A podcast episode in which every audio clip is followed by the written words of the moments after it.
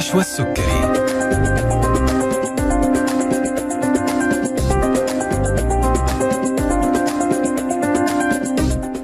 بسم الله الرحمن الرحيم. السلام عليكم ورحمة الله وبركاته. تحية طيبة لكم مستمعينا أينما كنتم وأهلا وسهلا فيكم في حلقة جديدة من طبابة على أثير إذاعتكم ألف ألف أف أم الموجة السعودية.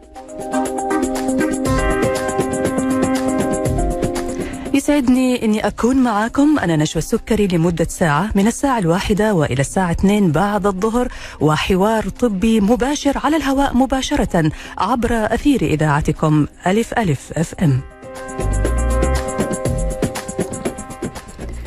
ولأنه برنامجنا مباشر أعزائي المستمعين فإحنا بنسعد بتواصلكم معنا. تقدروا تسمعوا البث المباشر من خلال الراديو على الموجة FM من جدة 101 الرياض 94 الدمام 107.5 مكة المكرمة 102.5 ومن المدينة المنورة 104.5 تقدروا كمان تستمعوا إلى البث المباشر من خلال موقعنا على الإنترنت ألف ألف FM dot com أو من خلال التواصل معنا على جميع حساباتنا على ال social media فيسبوك تويتر إنستغرام واليوتيوب. الحلقة هتكون متاحة بإذن الله تعالى خلال 24 ساعة من بثها. إذا حابين تسمعوا الحلقة أو تشاركوها أحد مهتم فيها هتلاقوها موجودة على اليوتيوب من خلال حسابنا ألف ألف FM. ايا كان نوع جهازك Android أو iOS تقدر تحمل تطبيق ألف ألف FM وتسمع البث المباشر وتتواصل معنا كمان من خلال التطبيق. عيادة طبابة أونلاين أعزائي المستمعين بتسمح لكم بالتواصل معنا مباشرة من خلال هاتف البرنامج 012 61 61 100 أو إرسال رسائلكم على الواتس 055 66 89 01 موضوع حلقتنا اليوم مستمعينا الأعزاء عن مرض التصلب المتعدد أو ما يطلق عليه مرض الألف وجه. مرض يعاني الذي يصاب به معاناة خافية. معاناة غير ظاهرة، حيث يظهر أمام الناس بشكل طبيعي، إلا أنه يتألم داخليا الما لا يعلمه إلا الله. من يعاني من هذا المرض طبعا هو الوحيد الذي يشعر بهذه الآلام. ما هو هذا المرض؟ ولماذا يعاني المصابون به؟ وما هو دور المجتمع إزاء المصابين بمرض التصلب المتعدد؟ وما هو الأمل في الشفاء والعلاج المتاح لهم؟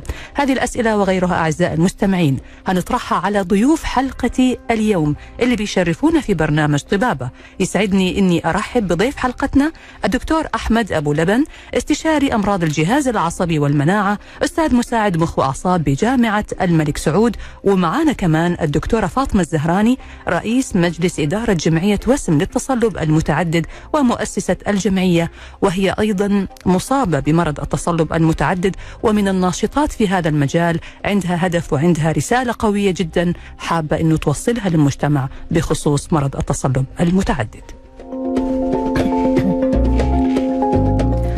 أرحب بضيوفي في حلقة اليوم الدكتور أحمد أبو لبن والدكتورة فاطمة الزهراني وراح أبدأ بعد إذنكم بالدكتور أحمد حياك الله دكتور أحمد واهلا وسهلا فيك.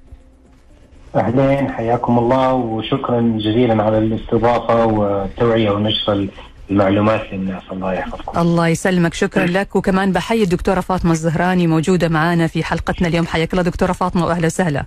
حياك الله. يا هلا وسهلا نسوة. يا هلا وسهلا. سعيدة بتواجدي معكم الله يسلمك. إحنا اللي سعداء ونفخر صراحة بشخصيات يعني تهتم دائما بإيصال رسالة للمجتمع وبتعتبر إنه يعني وجودها في الحياة في هدف نبيل يعني هدف سامي وهو توعية المجتمع بمعاناة غيرهم وبمعاناة الناس اللي ممكن تكون عندهم أمراض إحنا ما نعرف عنها. راح أبدأ معاكم ب يعني سؤالي موجه الآن للدكتور أحمد أبو لبن. دكتور مرض التصلب المتعدد المسمى ممكن إنه إحنا نسمعه لكن إحنا ما نعرف إيش هو مرض التصلب المتعدد ولا إيش اللي يشعر فيه المريض ولا إيش أعراضه. ممكن حضرتك في البداية تعطينا إيش هو مرض التصلب المتعدد وما هي أعراضه؟ طيب آه بداية يعني بسم الله الرحمن الرحيم مرض التصلب العصبي المتعدد هو مرض مناعي آه يصيب الجهاز العصبي المركزي نعم. المخ والحبل الشوكي والعصب البصري. يعني بالمختصر إنه خلايا الدم البيضاء اللي المفروض إنها تهاجم البكتيريا والفيروسات والأجسام الغريبة ولكن لسبب لا نعرفه الآن إن تقوم هذه الخلايا بمهاجمة الغشاء المايلين داخل الجهاز العصبي المركزي. والأعراض تكون متفاوتة جدا بين المرضى على حسب المكان المتأثر وتكون طريقة ظهور الأعراض بشكل هجمات. هجمات مؤلمة طبعا يعني يشعر بألم شديد في المنطقة المصابة. هي حسب بعض إذا كان جات في منطقة الإحساس ممكن تسبب خدور وتنميل ممكن يصاحبه ألم في في المستقبل. إذا جات على العصب البصري ممكن تسبب عدم وضوح في الرؤية مع ألم في العين. الأعراض تكون على حسب المنطقة المتأثرة. ليش يا دكتور يسمى مرض الألف وجه؟ لأنه في تفاوت كبير بين بين المرضى نعم. في في ظهور الأعراض وحتى في رحلة مسار المرض سبحان الله في اختلافات كبيرة جدا بين المرضى. آه وفي اعتقاد إنه آه قد يكون سبحان الله إنه هو مجموعة أمراض الآن إحنا حاليا نتعرف عليهم كمرض واحد. لكن هذا كلام نظري ويعني ننتظر كثير من الدراسات والأبحاث أساس انه إحنا نفهم المرض أكثر من الأعماق بإذن الله. مه. إيش هي أسباب الإصابة بهذا المرض يا دكتور؟ الجواب المختصر ما نعرف السبب. غير واضح.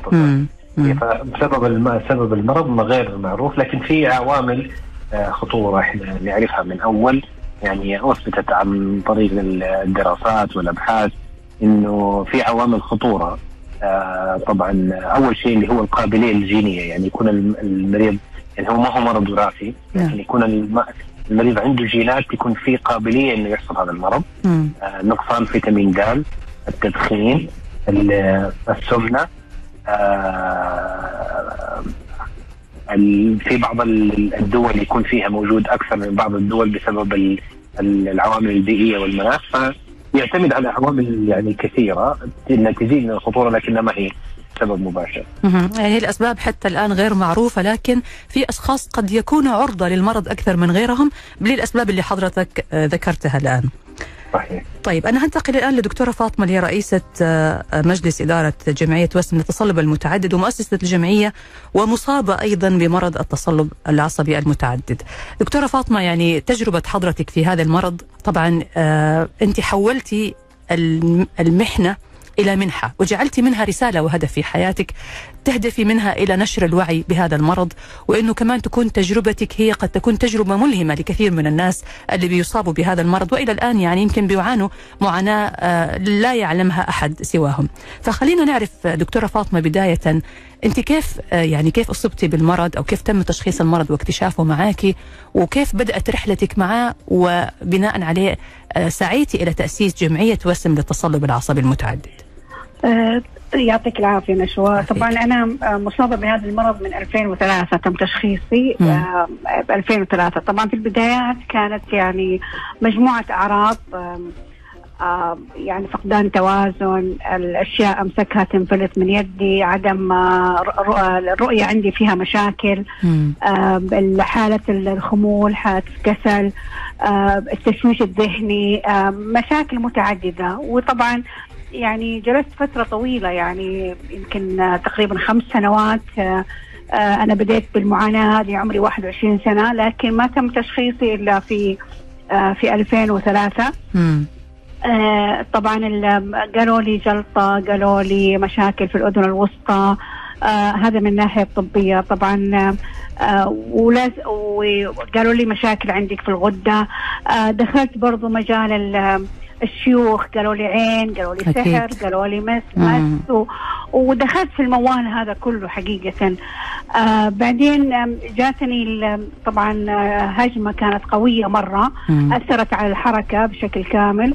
اضطر يعني اضطر الطبيب اللي يعني الأطباء اللي لما رحت تنومت في الطوارئ إنه حولوني على الأم آر آي وهنا اكتشف الطبيب إنه المرض اللي عندي اللي هو مرض التصلب المتعدد بعد خمس يعني سنوات بعد خمس سنوات من ظهور الأعراض. نعم مم. نعم نعم. آه طبعا آه آه لما دخلت المستشفى وقال لي عندك المرض هذا قال لي خلاص كان في رمضان أنا أذكر في 2003 قال لي خلاص روحي عيدي عند أهلك وبعدين إذا جيتي نبدأ مرحلة العلاج. طبعا يعني إحنا كان في حالة إنكار حقيقة. لا أنا ولا زوجي وعائلتي رحنا أطباء ثانيين. دخلنا في في الموال هذا. آه، للأسف ما أخذت العلاج بشكل مبكر. كنت يعني أتوقع إنه مو هذا المرض لأن لما دخلت على الإنترنت وحصلت أشياء يعني مرة مرعبة. كل الناس على الويل شير كل الناس على في ناس على السرير. كانت المعلومات المغلوطة صراحة في الإنترنت كانت يعني عامل أساسي في تدهور الحالة عندي حقيقة. آه. بعدين آه بدأت برحلة العلاج مع الطبيب المعالج عندي. آه لكن للأسف تمكن مني المرض ودخلت في مرحلة إعاقة. عانيت منها آه تقريبا يمكن سنتين متواصلة. سافرت برا حقيقة وتعلمت برا. شلون أتعايش مع هذا المرض؟ دخلت مصحات. آه، اهتميت بال lifestyle. والحمد لله يعني رحت على ال wheelchair رجعت بعد سنتين على ال على ال على العكاز وكان العكاز يصاحبني تقريبا كمان سنتين. يعني المعاناة كانت أربع سنوات ولكن الحمد لله كان نسبة الوعي يعني تغيرت مرحلة الإنكار إلى مرحلة التقبل وبدأت أبحث عن المرض بدأت أدخل مصحات بدأت أتعايش مع المرض بشكل إيجابي وتحسنت الحمد لله حالتي. رجعت الحمد لله إلى وضعي شبه الطبيعي. بعدين يعني سويت حساب في تويتر وأعلنت أي مريض تصلب متعدد يعني يتواصل معي نتبادل الخبرات. بدينا بمجموعة بخمسة بعدين زدنا إلى 60 كانوا في البداية بنات بعدين انضموا لنا شباب. آه بعد كذا في 2016 أسسنا جمعية أرفا.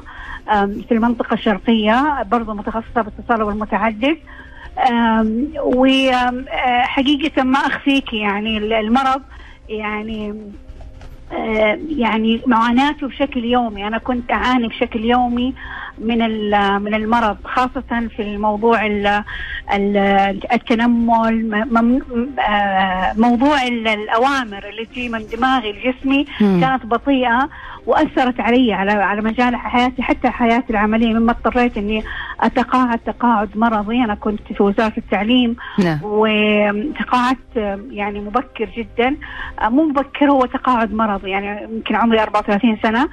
آه بعدين آه دخلت في المجال هذا حقيقة مجال التصلب المتعدد وكيف أني أقدر أساهم آه، في توعية المرضى اللي يعانون مثل معاناتي خاصة أنه أنا ما تظهر علي الإعاقة إلا في فترات الانتكاسة القوية. يعني يشوفون الناس على الويلتشير بس في في حياتي العادية أو في أغلب حياتي ما تظهر علي الإعاقة بس كان كان عندي إعاقات آه، غير ظاهرية أو خفية مأثرة على على تفكيري مأثرة على على آه، حياتي علاقاتي حتى يعني آه، شبه آه، شبه كلي أنا تغيرت حياتي حقيقة.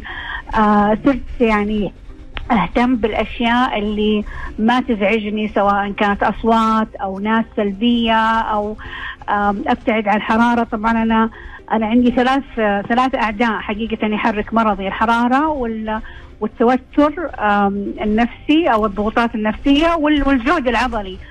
فعرفت أعدائي الثلاثة فصرت أنا أحاول إني أبتعد عنها وحتى لو إي أتحاشاها وحتى لو إني تعرفت لها آه، أرجع آه، أرجع أمارس النشاطات اللي آه، تساعدني على الرجوع للصحة مرة ثانية. الله يعطيك الصحة والعافية، الحقيقة أنا تفضلي. في 2020 في 2020 في أيام الجائحة جانا نداء حقيقة من جدة وكانت مجموعة من المصابين بسبب الجائحة والأدوية والاستشارات مراجعة المستشفيات.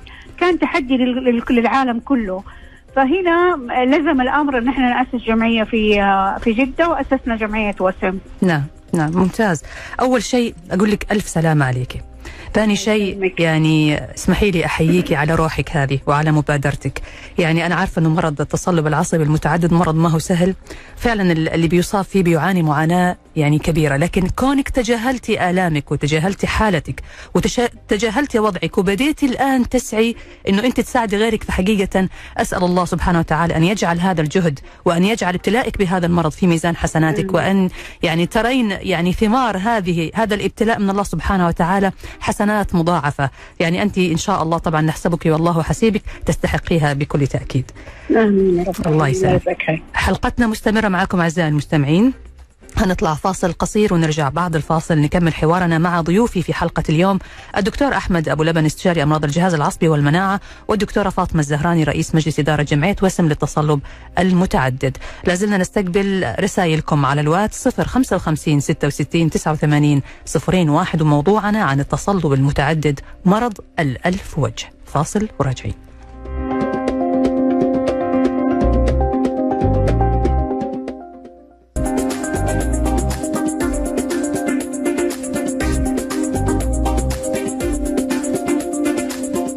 حياكم الله من جديد مستمعينا وأهلا وسهلا فيكم مرة ثانية في برنامجكم طبابة على ألف ألف مع ضيوفنا اليوم الدكتور أحمد أبو لبن استشاري أمراض الجهاز العصبي والمناعة والدكتوره فاطمة الزهراني رئيس مجلس إدارة جمعية وسم التصلب المتعدد.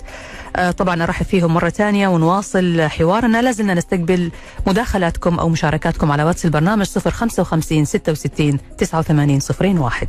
طيب أنا هرجع للدكتور أحمد دكتور يعني صراحة الدكتورة فاطمة يعني أسهبت في شرح حالتها. يمكن برضو الإنسان لما يتكلم عن حالته بيوصل لنا المعلومة أكثر وبتكون قريبة إلى أذهاننا أكثر لأنه دائما ما يشعر بالألم إلا الشخص اللي عايش الألم هذا.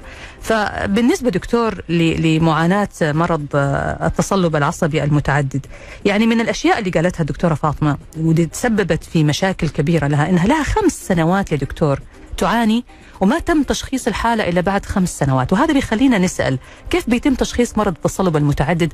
وليش ممكن ياخذ كل هذا الوقت علشان يتم اكتشافه عند المريض؟ طيب آه ممتاز. آه السؤال مهم جدا.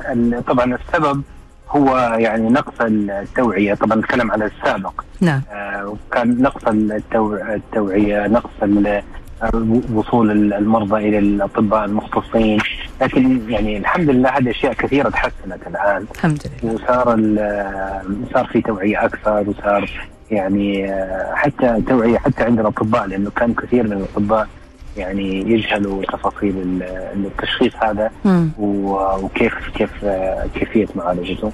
مع التشخيص المرض يكون لما المريض يجيله واحد من أعراض الهجمات في التصلب العصبي المتعدد فيكون التشخيص بالفحص الطبي السريري والرنين المغناطيسي. نعم. الآن في أغلب الأوقات قد يكون هذه الاثنين كافية ولكن أنا دائما أنصح بعمل الإجراءات المصاحبة اللي منها إحنا نسميه البذر القطني أو اللي هو إبرة اللي من اسفل الظهر زي الإبرة اللي يسووها وقت الولادة لكن يعطوهم هناك بنج إحنا ما نعطي بنج آه نصفي ناخذ السائل ونتاكد من وجود بروتين ياكل من التشخيص. في بعض الحالات يعتبر اختيارية في بعض الحالات لا يعتبر إلزامية. بالمختصر التشخيص يكون عن طريق الفحص الطبي السريري مع أشعة الرنين المغناطيسي مع الفحوصات المجانبه لها. تمام يعني الحين أصبح تشخيص الحالة ممكن بيتم بشكل أسرع من من قبل كده مع التطور صحيح. طبعا الطب اللي حاصل.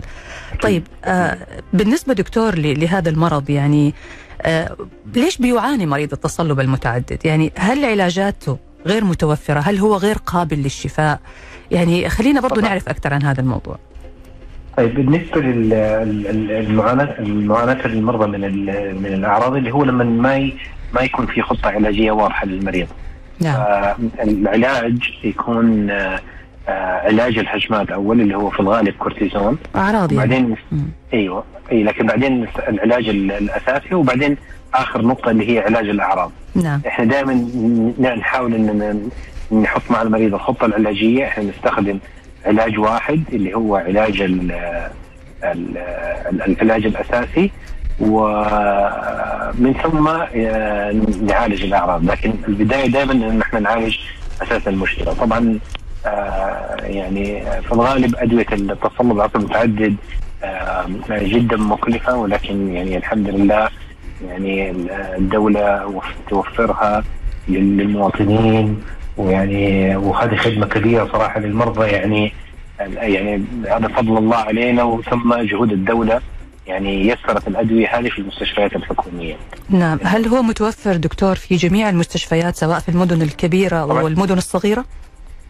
طبعا العلاج آه، إحنا عندنا أكثر من 20 علاج للتصلب العصبي المتعدد. امم 20 أكثر من 20 ولكن لما نعالج المرضى إحنا نستخدم علاج واحد فقط. نعم. طبعا في تباين كبير جدا في الأدوية من ناحية الفعالية ومن ناحية طريقة الاستخدام ومن ناحية الأعراض الجانبية آه، ونسبة الفعاليه ففي اختلافات كبيرة. ف حسب حالة المريض وحسب الخطة العلاجية طبعا بسبب ان الادويه جدا جدا مكلفة فاغلب المراكز الكبيرة يكون متوفر فيها أغلب الأدوية لكن حتى الأماكن البعيدة واللي اللي في في أطراف المملكة غالبا يكون متوفر نوعين أو ثلاثة.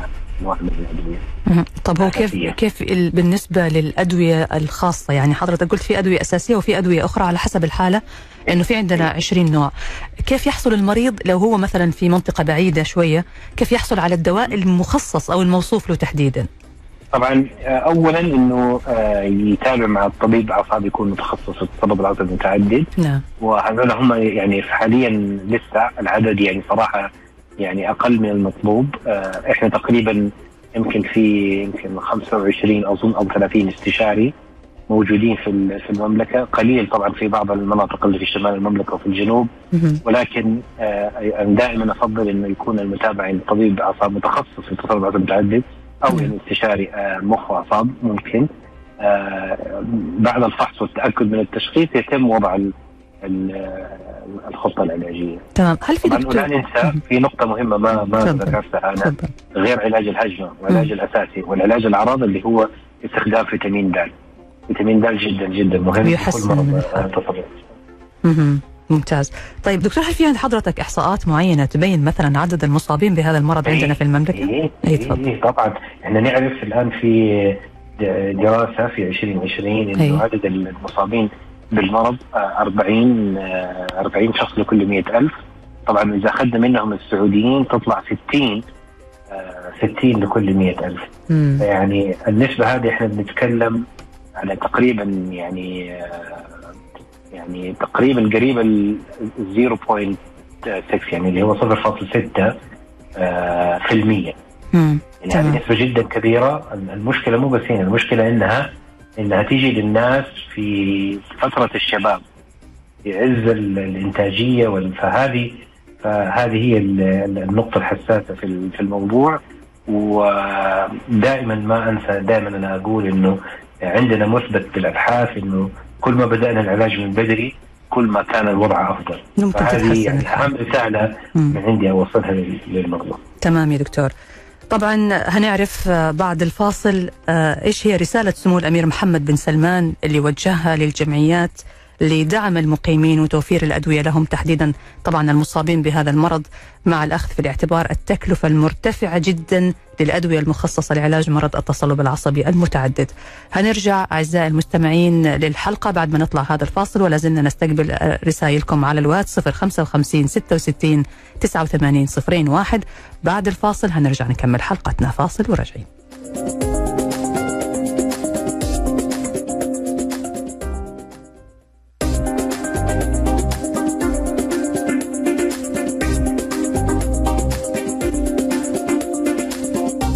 ويا هلا ومرحبا فيكم. رجعنا لكم مرة ثانية في برنامج طبابة على ألف ألف أف أم مع ضيوف حلقتنا اليوم. الدكتور أحمد أبو لبن استشاري أمراض الجهاز العصبي والمناعة والأستاذ المساعد المخ والأعصاب بجامعة الملك سعود وضيفتنا أيضا الدكتورة فاطمة الزهراني رئيس مجلس إدارة جمعية وسم للتصلب المتعدد ومؤسسة الجمعية. حياكم الله جميعا مرة ثانية وأهلا وسهلا فيكم.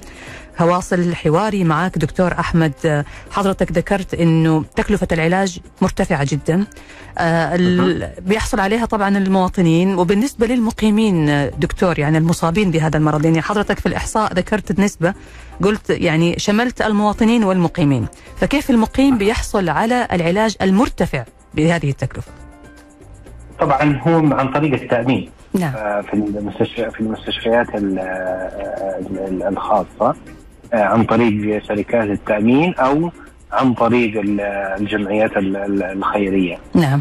آه، أو بعض الأحيان بعض المرضى يدفعوا. آه، أسعار في بعض الأدوية ممكن تكون مناسبة نختارها على حسب الحالة مم. قد يعني تساعد في الموضوع. مهم. تمام يعني المهم إنه العلاج كمان بيكون متوفر لهم بطرق مختلفة صحيح. نعم طيب أنا هرجع الآن للدكتورة فاطمة الزهراني ونقطة مهمة جدا أثارتها وهي كانت المعلومات المغلوطة اللي كانت موجودة على الإنترنت واللي تسببت في آه، تدهور حالتها ووصولها إلى مرحلة آه، الإعاقة آه، أنا حابة برضو نتكلم عن هذا الجانب آه، دكتورة فاطمة بالنسبة لتوعية المجتمع ورفع الوعي بهذا المرض والمعاناة من عدم اهتمام المجتمع بالمعرفة أو بالتعامل مع المصابين بهذا المرض.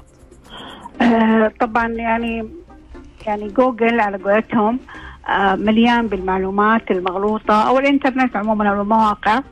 فأنا دائما يعني أنصح المصابين إنه يعني ارجع لطبيبك المعالج وخذوا المعلومة الصحيحة من عنده. نعم. وانضم للجمعي للجمعيات عشان يكون مصدرها موثوق في أي معلومة آه تحتاجها سواء كان عن طريق اللجنة الطبية أو عن طريق اللجنة الاجتماعية أو أي لجنة أخرى شغالة في الجمعية. نعم. ال- ال- الشيء المهم في موضوع الوعي يعني حقيقة إحنا كجمعيات سواء كانت آه، في الشرقية أو في حايل أو في آه، جدة الجمعيات المتخصصة بالتصلب المتعدد آه، تحتاج مجهود آه، كبير في موضوع الوعي لأنه أكبر من قدراتها إحنا لا نستطيع الوصول لكل المجتمع. نعم. آم، و- وإنما نستطيع الوصول لبعض المجتمع المحيط بالجمعية أو آه، من يصل لنا عن طريق إعلان أو عن طريق حملة أو عن طريق برنامج. لكن يعني بمناسبة برنامجكم هذا والتونا إحنا يعني تو 31 آه، May هو اليوم العالمي للت- 30 May هو اليوم العالمي للتصلب المتعدد. أنا حقيقة أدعو وزارة الصحة أنها تكثف الجهود في موضوع الوعي لأنه هي الجهة الوحيدة اللي تستطيع أن تصل لجميع المجتمع. نعم. آه، عن طريق آه، برامج عن طريق آه، تعميمات تعمم جميع المستشفيات جميع المراكز ال- التخصصية أو حتى عن طريق رسالة SMS توصل لجميع أفراد المجتمع. كذلك يعني هيئة الإحصاء يعني أنا طبعا متابعة الأخبار ال- ال- هيئة الإحصاء. السنة هذه أعلنوا في في ال- في هيئة الإحصاء عن نتائج ال- المسح الميداني. وحقيقة نشوى يعني آلمني إنه ما في شيء عن التصلب المتعدد. في كل مهم. الأمراض بس التصلب المتعدد مش موجود. فأنا برضو يعني متعشمة كثير في هيئة الإحصاء إنه السنة الجاية إذا ربي أحيانا وعافانا إنهم يحطوا في بالهم آه، في المسح الميداني وخاصة إنهم يدخلون كل بيت ويعرفون عن قرب آه، المشاكل اللي أو أو ال- الأمراض اللي موجودة في كل بيت ويقدروا يساعدوا في موضوع الحصر وفي موضوع الوصول للعدد المصابين في لأنه مشكلتنا إحنا في المصابين إنه مو كلهم يروحوا المستشفيات. يعني كثير منهم يعني يجي السنة سنتين ثلاث سنوات لين يوصل الطبيب. مع إنه إحنا عندنا أطباء متخصصين الآن في التصلب المتعدد بس رحلته هو وإيمانه إنه ما هو ما هو مرض تصلب متعدد حتى لو كان اشتباه مم. إنه ما يصل للطبيب الصحيح نعم. فهيئه الإحصاء لا- في التعداد لها دور كبير في في موضوع الكشف عن ال- المرضى وكمان وزارة الصحة، وزارة الصحة نعول عليها الكثير لأنها تختصر لنا المشوار، إحنا إحنا بنبذل مجهودنا كل سنة في موضوع وحنستمر طوال السنة في في الوعي لكن لا نكفي. إحنا كجمعيات خاصة الجمعيات قليلة آه في ظل تعرف العدد السكاني ما شاء الله تبارك الله كبير.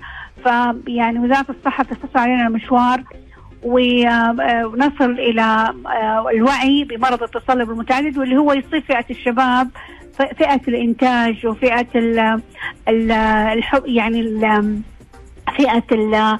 القوة والنشاط واللي إيوه يعني يعني أصعب شيء صراحة لما يجيني مريض آه، في 32 سنة أو 30 سنة وهو يعني يعني آه، آه، أقيل من عمله بسبب مرضه أو إنه آه، قدم تقاعد زي ما حصل معايا. بسبب مرضه أو آه، زي عند القطاع العسكري آه، كل المرضى آه، احيلوا للتقاعد العجزي وخسروا خسروا رواتبهم وخسروا وظائفهم بسبب المرض. ف وكمان عندنا مرضى ما يفصحوا عن مرضهم لما يقدموا على أي وظيفة خاصة إذا كانت إعاقته ما هي ظاهرية.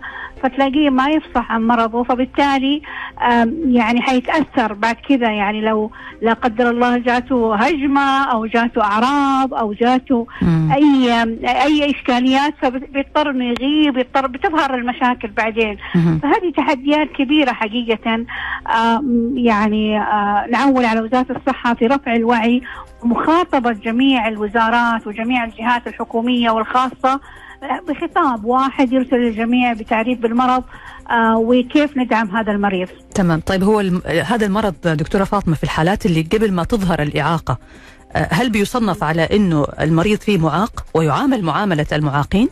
آه شوفي هذا الموضوع مرة حساس حقيقة إحنا عندنا تصنيف للمرض صنفنا المرض في عام 2019 وصدر لها رقم إعاقة. لكن آم، للأسف آه، يعني الخدمات ما ياخذها مريض التصلب المتعدد إلا إذا ظهرت عليه الإعاقة الحركية. وهذه يعني مرة صعبة. يعني على سبيل المثال أنا أعطيك مثال علي أنا. يعني أنا مثلا ما أقدر أمشي مسافات طويلة ولا أقدر اصعد درج ولا أقدر أنزل درج.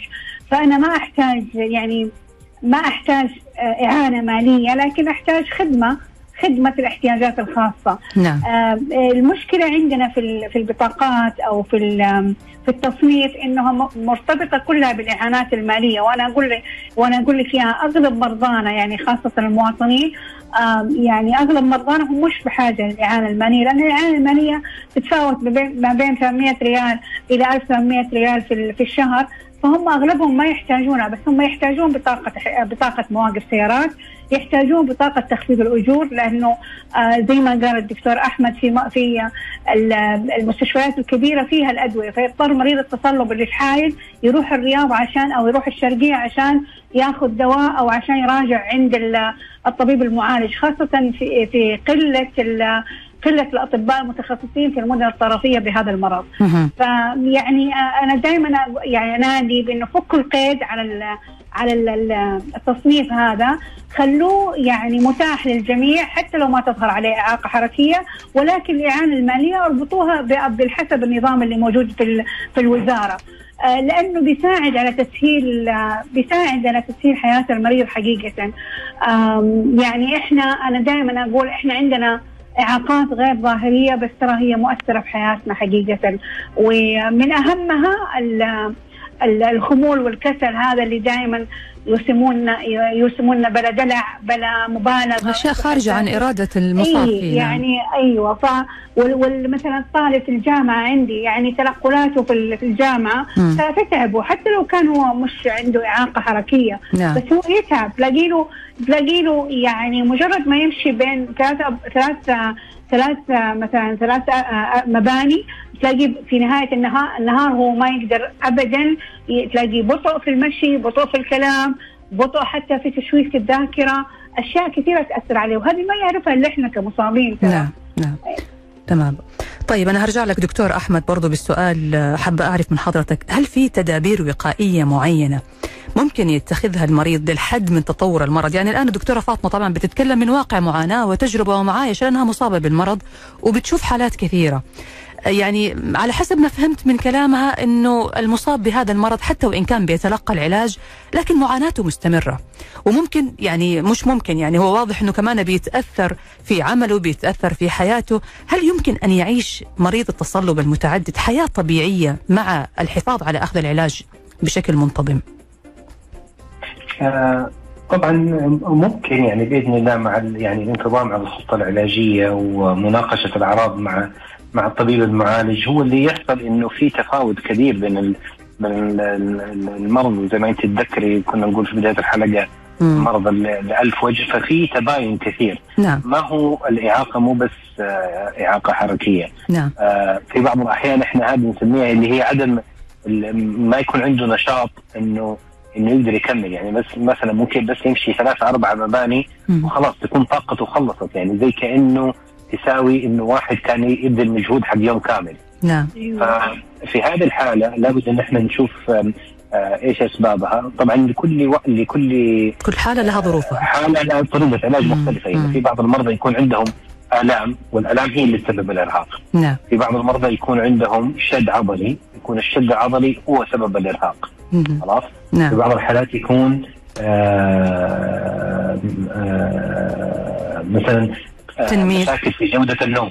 فهمت علي؟ فيمكن آه، تحل المشكلة هذه تحل الموضوع. بعض الأحيان يكون مشكلة أعراض اكتئاب علي؟ يكون أعراض اكتئاب فإحنا علشان نحل المشكلة هذه. وبعض الأحيان إحنا ممكن يكون ولا شيء من اللي ذكرته. نعم. يكون فقط إجهاد وتعب من من التصلب المتعدد هو يسوي حاجة كده اسمها إجهاد التصلب. يعني مريض لا عنده نشاط في المرض ولا عنده آه، شد في العضلات ولا عنده آلام ونومه كويس. وتغذيته كويس وكل شيء صحي وكل شيء يسويه تمام ويمارس الرياضة ولكن ما زال ما عنده طاقة مم. في هذه الحالة نستخدم علاج مختلف آه فعلى حسب الحالة يكون ال يكون ال يكون. العلاج هو فعلا مرض الألف وجه لأنه ما في يعني ما في صفات محددة أو أعراض واضحة هو على حسب فين مكان المرض أو فين الإصابة. يعني حضرتك ذكرت الآن مجموعة أعراض هي عبارة عن مجموعة أمراض متجمعة بسبب مرض واحد. والله يعني نسأل الله الشفاء لكل مصاب بهذا المرض. حلقتنا مستمرة معكم أعزائي المستمعين ومع ضيوفنا في حلقة اليوم الدكتور أحمد أبو لبن والدكتورة فاطمة الزهراني. هنطلع فاصل نرجع بعد الفاصل نعرف من ضيوفنا إيش هي الأبحاث الجديدة والتطورات في مجال علاج مرض التصلب المتعدد والعلاجات الجديدة القائ- القادمة لعلاج هذا المرض. فاصل وراجعين.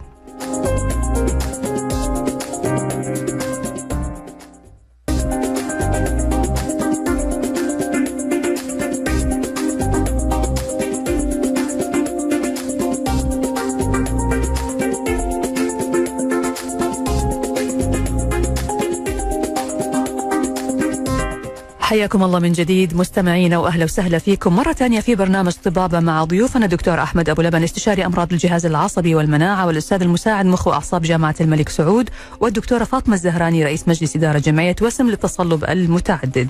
لا زلنا نستقبل مشاركاتكم على الواتس 055 66 89 صفرين واحد وأرجع مرة ثانية للدكتور أحمد بالسؤال يا دكتور يعني إيش هي العلاجات الجديدة القادمة في علاج هذا المرض واللي ممكن تحسن من جودة حياة المصابين فيه؟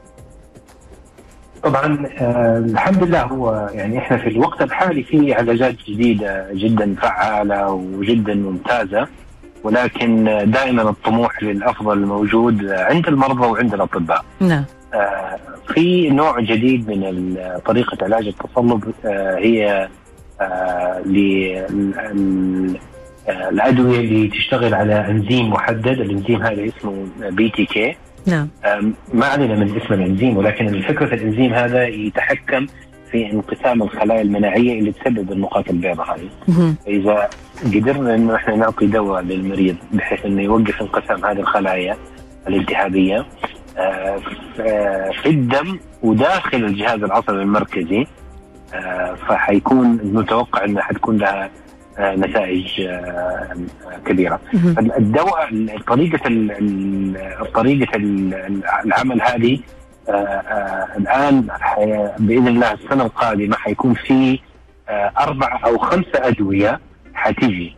يمكن أول واحد فيها حيكون منتصف السنة القادمة بإذن الله. إن شاء الله. آه، آه، طبعا أتوقع إنها حتسوي ثورة يعني كبيرة في في في علاج التصلب لأنها تعالج جزئية إحنا ما صعب علاجها اللي هو تقد اللي هي الناحية التقدمية في في التصلب، كيف يعني الناحية التقدمية؟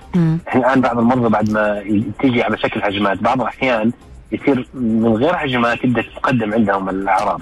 يكون من غير هجمات لكن الأعراض تبدأ تتقدم عندهم ببطء من غير ما يشعروا على مر شهور وسنين.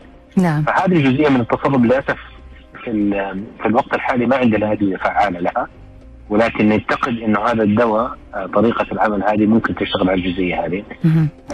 الموضوع الثاني في تطور الأدوية إنه صار تطور كبير في اعتقادنا إنه إيش ال- السبب المباشر للتصلب العصبي المتعدد اللي هو احتمال انه يكون فيروس اسمه بيشتن بار فيروس هذا الفيروس موجود في كثير عند كثير من الناس تقريبا يمكن 80 إلى 90% من الناس ولكن عند الناس اللي عندهم تصلب يعتبر جزء أساسي آه، من المرض. فالآن في اعتقاد إنه ممكن تعطي علاج بالخلايا يا؟ علاج بالخلايا تشيل آه، ال- ال- الفيروس هذا وبالتالي آه، يتم الشفاء من المرض تماما. طبعا يا سلام. ما زال كلام نظري. ولكن لكنه يعطي الأمل يا دكتور. يعني أنا مجرد ما قلت يتم الشفاء تماما أنا شعرت إنه شعرت بفرحة كذا في في قلبي والله. هذه طبقوها الآن على في المرحلة الأولى ونجحت مم. ما شاء باقي الله المرحلة الثانية والمرحلة الثالثة حلو. الله. حلو حلو ممتاز يعني إحنا الآن في آه، أبحاث آه إن شاء الله رب العالمين إنه هي قيد الدراسة وقيد التنفيذ الآن أو قيد إيه. التطبيق لكنها بتبشر بإمكانية الشفاء التام من المرض بإذن الله. إن شاء الله تعالى إن شاء الله. طيب أنا هرجع الآن لك دكتورة فاطمة وطبعا كمؤسسة للجمعية اللي هي جمعية وسم للتصلب المتعدد ورئيسة مجلس إدارتها. طبعا أنت ذكرتي كم كبير من التحديات ويعني ال- المشاكل اللي بتواجهكم أنتم كقائمين على هذه الجمعية في دعم المصابين بمرضى التصلب. المتعدد.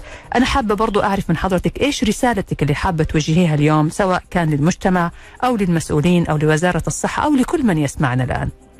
آه، طبعا إحنا كجمعية حقيقة آه، جمعية متخصصة بالتصلب المتعدد وعندنا تحديات كثيرة ومن أهمها آه، جهل المجتمع بهذا المرض. فبالتالي عندما نحتاج مثلا إحنا عندنا طبعا دعم ال- دعم ال- ادويه المقيمين حقيقة وخاصة اللي ما يتغطى عن طريق التأمين لأنه أغلب المقيمين اللي عندنا في السعودية هنا ما يغطون التأمين ما تغطي أدويتهم خاصه للتصلب المتعدد. فنضطر أن إحنا نبحث عن آه، آه، متبرعين سواء كان ش- أو مؤسسات مانحة أو منصة شفاء آم، آه، تدعم هذا المجال. آه، رسالتي حقيقة إنه آم، آه، آن الآن أن يكون في تكامل بين وزارة الصحة وبين وزارة الموارد البشرية في عملية في عملية دعم مرضى التصلب المتعدد.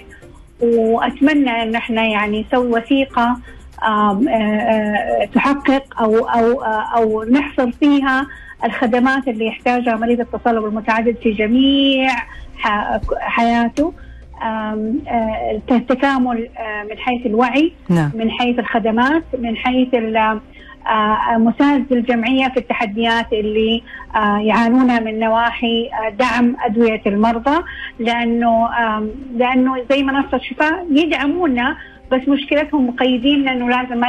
ما, ما مو أكثر من حالتين في الشهر الواحد مهم. فإحنا عندنا تحدي وبعدين إحنا المريض عندنا ما ما ندعمه حق شهر ولا شهرين ندعمه حق سنة. فنقول لهم نزلوا لنا ثلاثة شهور كل ثلاثة شهور كل ثلاثة شهور.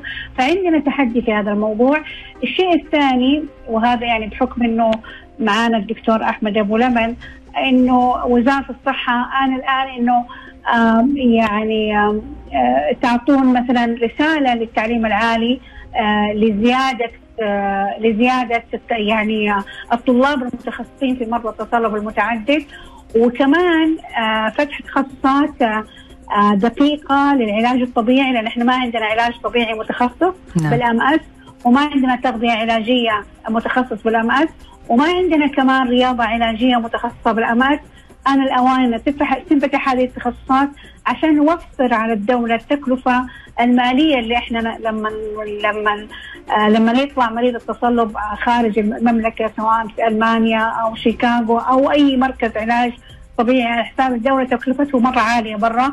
التخصصات هذه إذا فتحت في المملكة حيعطينا حلول آه، جذرية لهذه المشكلة وحيساعدنا أيضا على تحسين حالة المريض. إن شاء الله كمان آه، كمان آخر رسالة بحكم إن الدكتور أحمد معانا وأحمد الدكتور أحمد يعني من من من أول الأطباء اللي ساند ال- ساند مرضى التصلب المتعدد أيام ما كنا إحنا فريق تطوعي في ارفا مم. كان ما شاء الله عليه هو اللي يقدم لنا الاستشارات هو اللي يصحح لنا المعلومات هو اللي يساندنا فأتمنى انه إنه يعني الأطباء المخ والأعصاب إنهم يتحدوا مع بعض في موضوع دعم المرضى خاصة في التقارير التقارير الطبية